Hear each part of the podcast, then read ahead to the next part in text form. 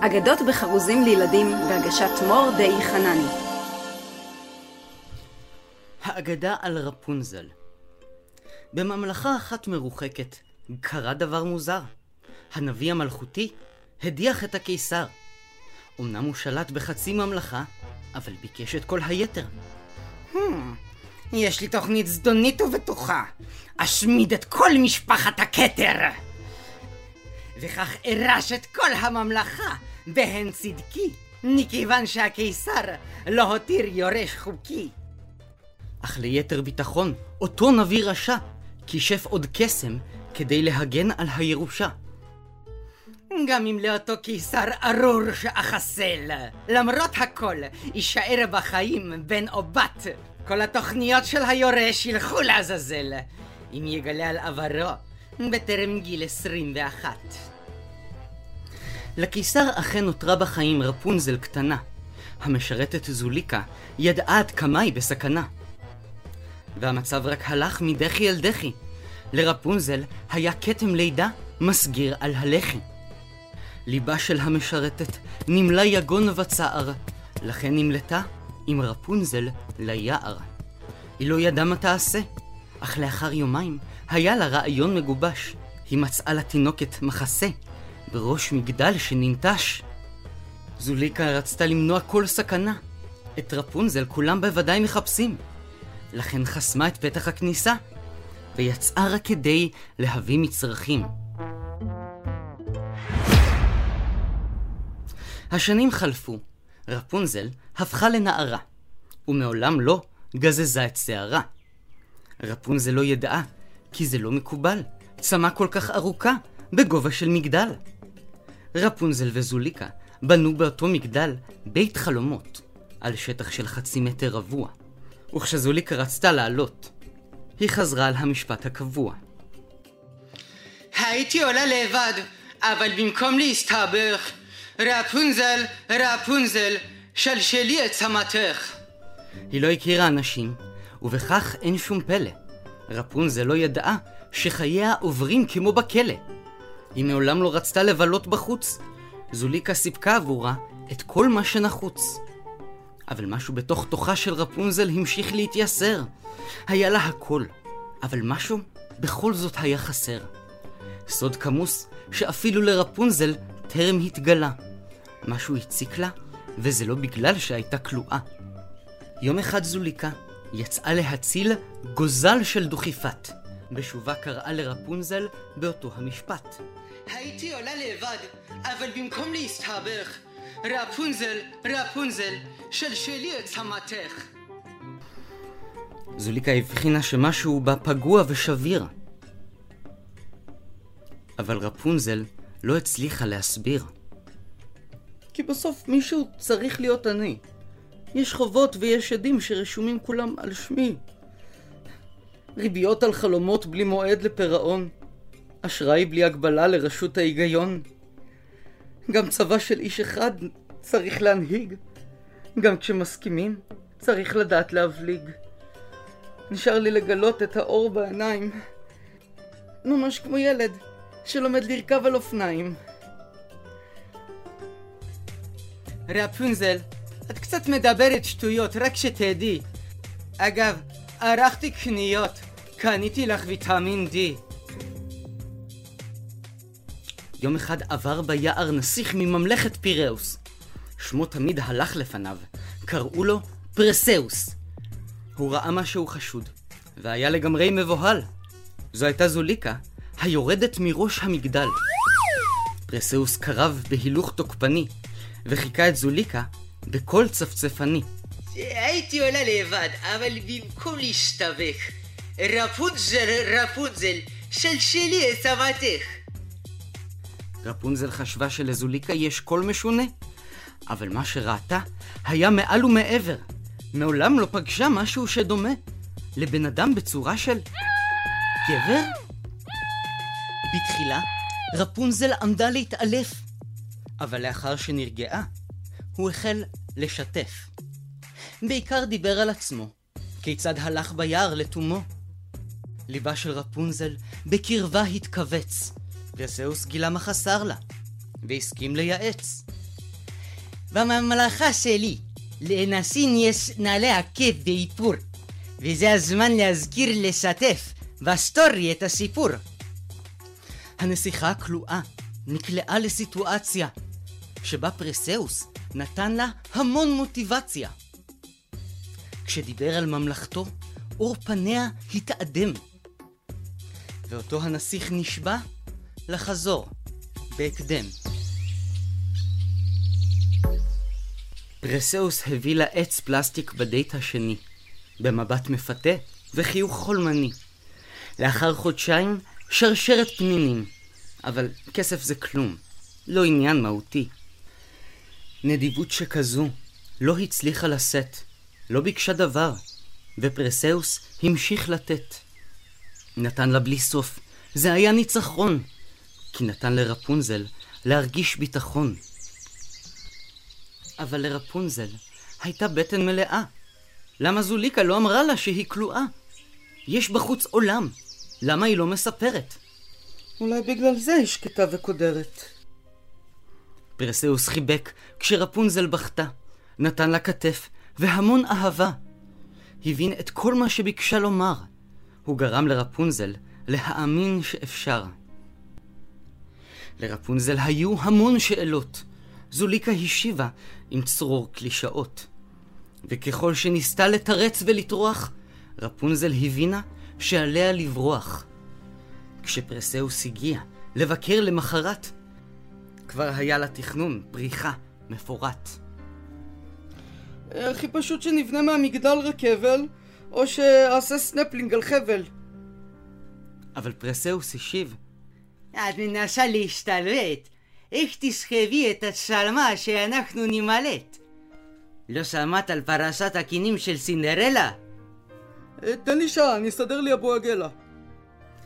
אולי בפעם אחרת נתראה.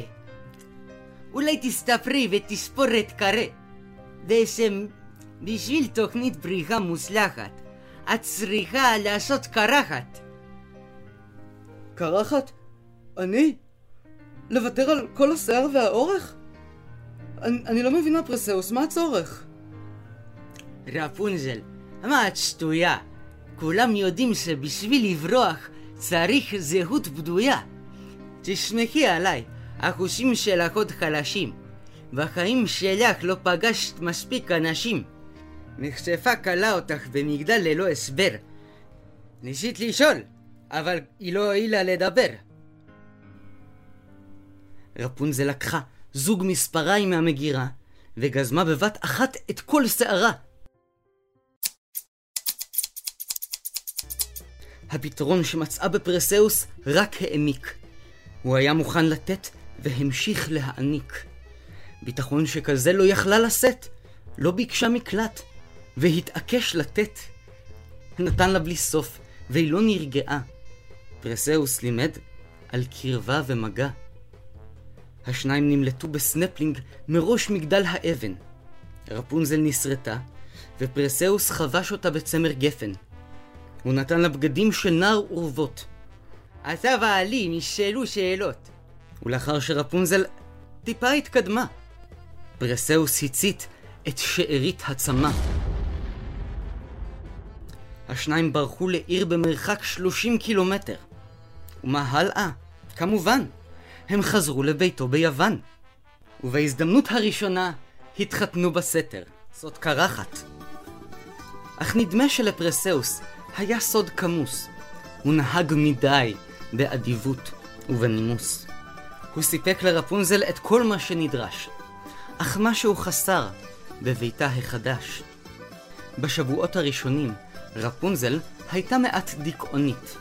לא היו לה חברים, והיא לא דיברה יוונית. אבל גם כשדיברה ביוונית, המשאלה שלה עוד לא התמלאה. למרות הכל, רפונזל הרגישה כלואה. היא חשבה שכתם הלידה גורם לאנשים לרחל. אבל הספק עדיין חלחל. היא רצתה לרכב על סוס ולירות בחץ וקשת. כן, למרות שהשתחררה, היא לא הרגישה שייכת. כשפרסאוס בילה במסבעה עם גברים רועשים, היא נשלחה לחוג רקמה עם שאר הנשים.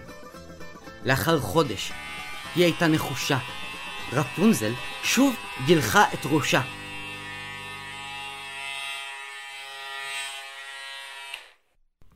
מתחת לשמלה הייתה נועלת מגפיים, וכשאיש לא ראה, היא לבשה מכנסיים. חידה מוזרה, לא הצליחה לפתור. תובנה שצמחה כמו מתחת לאור. האמת לא הייתה ניתנת עוד להכחשה. רפונזל הוא גבר בגוף של אישה. אך בטרם הייתה לו הזדמנות להתוודות, רפונזל היה זה שהעלה את החשדות. בוקר אחד כשטייל בחצר, רפונזל שמע מהמחסן קול מצרצר. הוא נכנס פנימה, וזעקה עד לב השמיים. לפרסאוס יש סנדלים עם כנפיים? הוא היה נרגש, כולו תדהמה. אם פרסאוס יכל לעוף, למה אני גזזתי את הצמה? איזו פיסת מידע לא נקלטת? רפונזל, תפסתי אותך מחטטת. הייתי מספר לך קודם, אבל צר לי צר. את חוות העובדת של כבוד הקיסר. כמובן שזוליקה לא סיפרה לך ולא ידעת, כי אסור לך לגלות עד גיל 21. ומכיוון שהתחתנתי בסתר עם הנסיכה, אני זה שירש ממך את כל הממלכה. אם תצטרכי משהו, תמיד אשמח לתת. נתת כל דבר בעולם מלבד האמת. ומה עם זוליקה? אמרת שאני חטופה. היא הגנה עליי ו- ואני חשבתי שהיא מכשפה. עכשיו מתגלה לי כל ההסבר. לכן זוליקה לא הסכימה לספר. כן, גם אני לא יכול לתת לך סיבה. אני מגן עלייך, אני עושה לך טובה. אם רק הייתה לי ברירה. נשמעת משכנע. זאת אזהרה אחרונה. נמאס לי להקשיב. חלמתי על טבעת ובעל, אבל לחיות איתך זה כמו לשתות רעל. עם קרח. רפונזל, מה אני הבנתי? אולי תפסיקי טיפה להיות אנטי. שוכח? אמרת שתגן עליי. תקשיב לי. הסנדלים עם הכנפיים, אני הזמנתי חלקים של חילוף. למה אני זה שצריך לעמוד עכשיו כמו ילד נזוף. ילד תתקדם, אין לי כוח. לך תחפש על מי לצעוק ולנבוח. פרסאוס! וכשבאף שוב מדגדג לי ניחוח של מסבעה שהעדפתי לשכוח, חפש לך תירוץ אחר. נמאסת. אם ירשתי ממלכה ואתה הגנב, לא אכנע לפני דו-קרב. החרב של רפונזל הונפה מתוך הנדן. פרסאוס נמלט כמו עכבר קטן. היה מלא זעם, צרח וכעס. הוא קרב עם חרבו, בצעד מהוסס. זה היה צפוי שבתוך מהלך כלי הנשק של פרסאוס יושלך. רפונזל רצה שפרסאוס יתנצל. זהו, ניסיון אחרון. בתחילה רפונזל כיוון אליו חרב ברזל, וכשניסה להימלט, לפת את רגלו סביב הגרון. אני לא נושב. שיחות מאוחרות שסיננת, ברוחות אתה פתאום התעניינת. חידשת. יש חושים שדי חשוב לפתח, חוש היגיון וחוש של צדק וריח. הבנת? עכשיו אחזור לממלכה שלי. הביתה! רפונזל. אני לא מבין, אני קצת מבולבל. הייתי כלוא, אבל לא רק במגדל. אבל אם לא אכפת לך, אני קצת לא נושב. וכן, החלטתי להשאיר את השם. היום אני מסוגל לומר בביטחון, פשוט נולדתי בגוף הלא נכון. תראה, איזה יופי של פודל. ופרסאוס מיד נחלץ מרפונזל. חרבו של רפונזל התגלגלה לחצר. פרסאוס לא חס ומיד הסתער. הייתי מאחלת לך המון בהצלחה, אבל רפונזל, רפונזל, קבל את חרבך. זוליקה זרקה את החרב במבט משולהב, ורפונזל עשה זאת! הוא ניצח בקרב! זוליקה, איך מצאת אותי? איך ידעת לאן להגיע? זה לא משנה, זה משהו שטותי. סגרתי דיל עם אסמאעיל הנייה. וזוליקה, שגילתה אהבה ומסירות, שבה עם רפונזל למולדתן, בקיסרות. רפונזל, אני רואה ליד דוכן של פיסטוק חלבי, עוברת תהלוכה, והנה הנביא. בתהלוכה צעדו נכבדים מסין, צרפת ומדגסקר. שמאל ימין, שמאל ימין, הגענו לכיכר. הנביא פנה לקהל שעמד במקום, ובתוך זמן קצר החל לנאום. לפני עשרים ואחת שנים בדיוק, אירע אסון שבליבנו חקוק.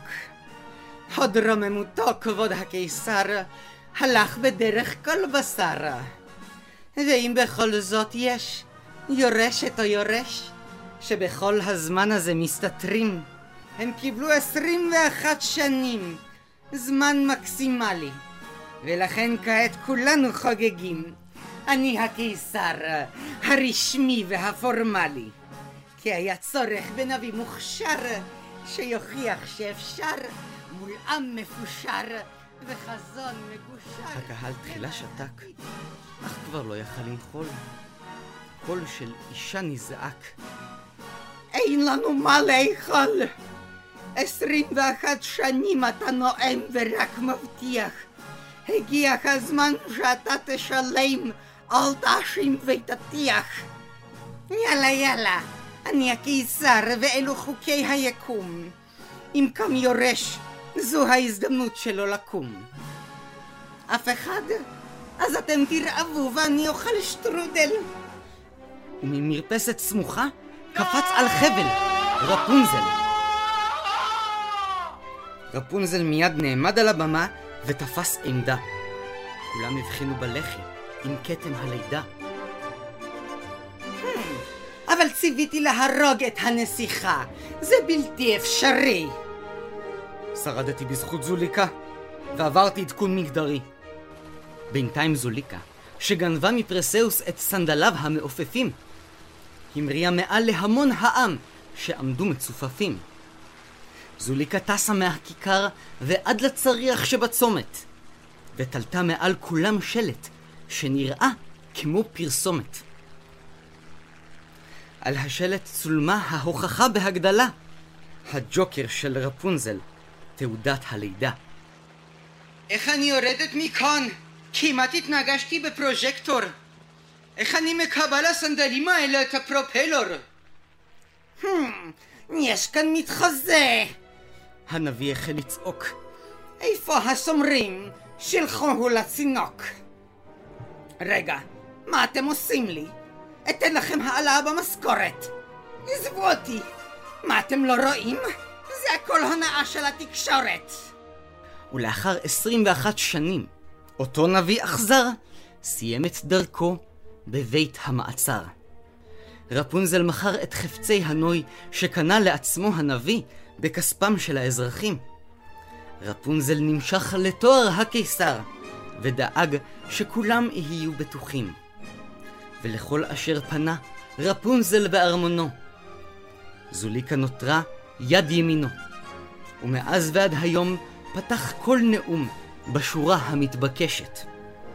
לא תקדמו את הממלכה בנאום, אם תעסקו רק ביורש וביורשת.